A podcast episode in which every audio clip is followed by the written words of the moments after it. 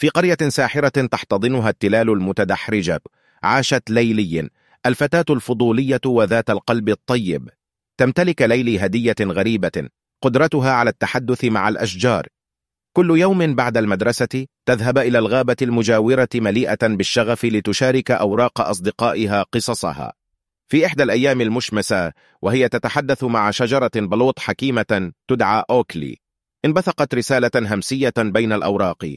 كانت من شجيرات الصفصاف الأشجار السحرية المعروفة بحكمتها. طلبوا مساعدة ليلي بشكل عاجل. أخبرت ليلى أن الكريستال المسحري مصدر سحر الغابة يتلاشى ببطء.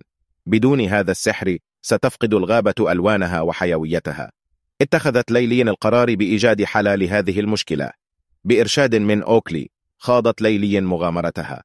وصلت أولا إلى مروج قوس قزح مكان مليء بالألوان والكائنات اللطيفة. التقت بروزي الأرنب الذي عرض مساعدتها.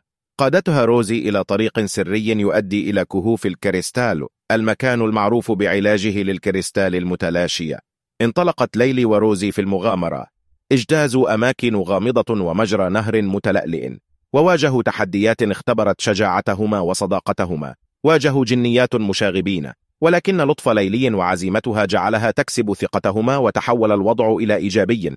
بعد محطات عديدة وصلوا إلى كهوف الكريستال وهناك وجدت ليلي زهرة لامعة وغامضة.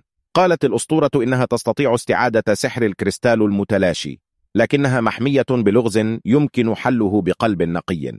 بفضل قلبها النقي حلت ليلي لغز الزهرة وفجأة فتحت الزهرة بألوانها الزاهية.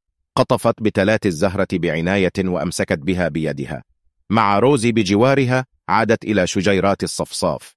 عندما وضعت ليلي بتلات الزهرة اللامعة بجوار الكريستال المسحر امتلأت الغابة بضوء ساطع وسحري.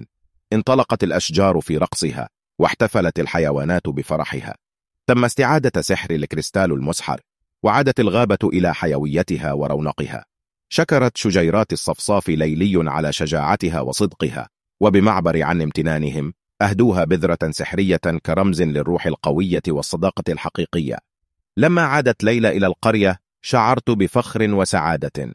أدركت أهمية المحافظة على الطبيعة وقوة التعاون والإرادة في تحقيق المستحيل. أصبحت ليلى مثالا يحتذى به في تحقيق الأهداف والمحافظة على العالم من حولها.